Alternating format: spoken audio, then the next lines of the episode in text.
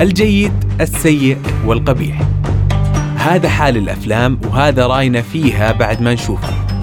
وفي هذا البودكاست راح أعبر عن سعادتكم لما شفتوا فيلم وقلتوا عنه جيد وأتكلم عن غضبكم من مسلسل قلتوا عنه سيء. وممكن أتفق أو أختلف معكم بعمل شفتوه وقلتوا عنه قبيح.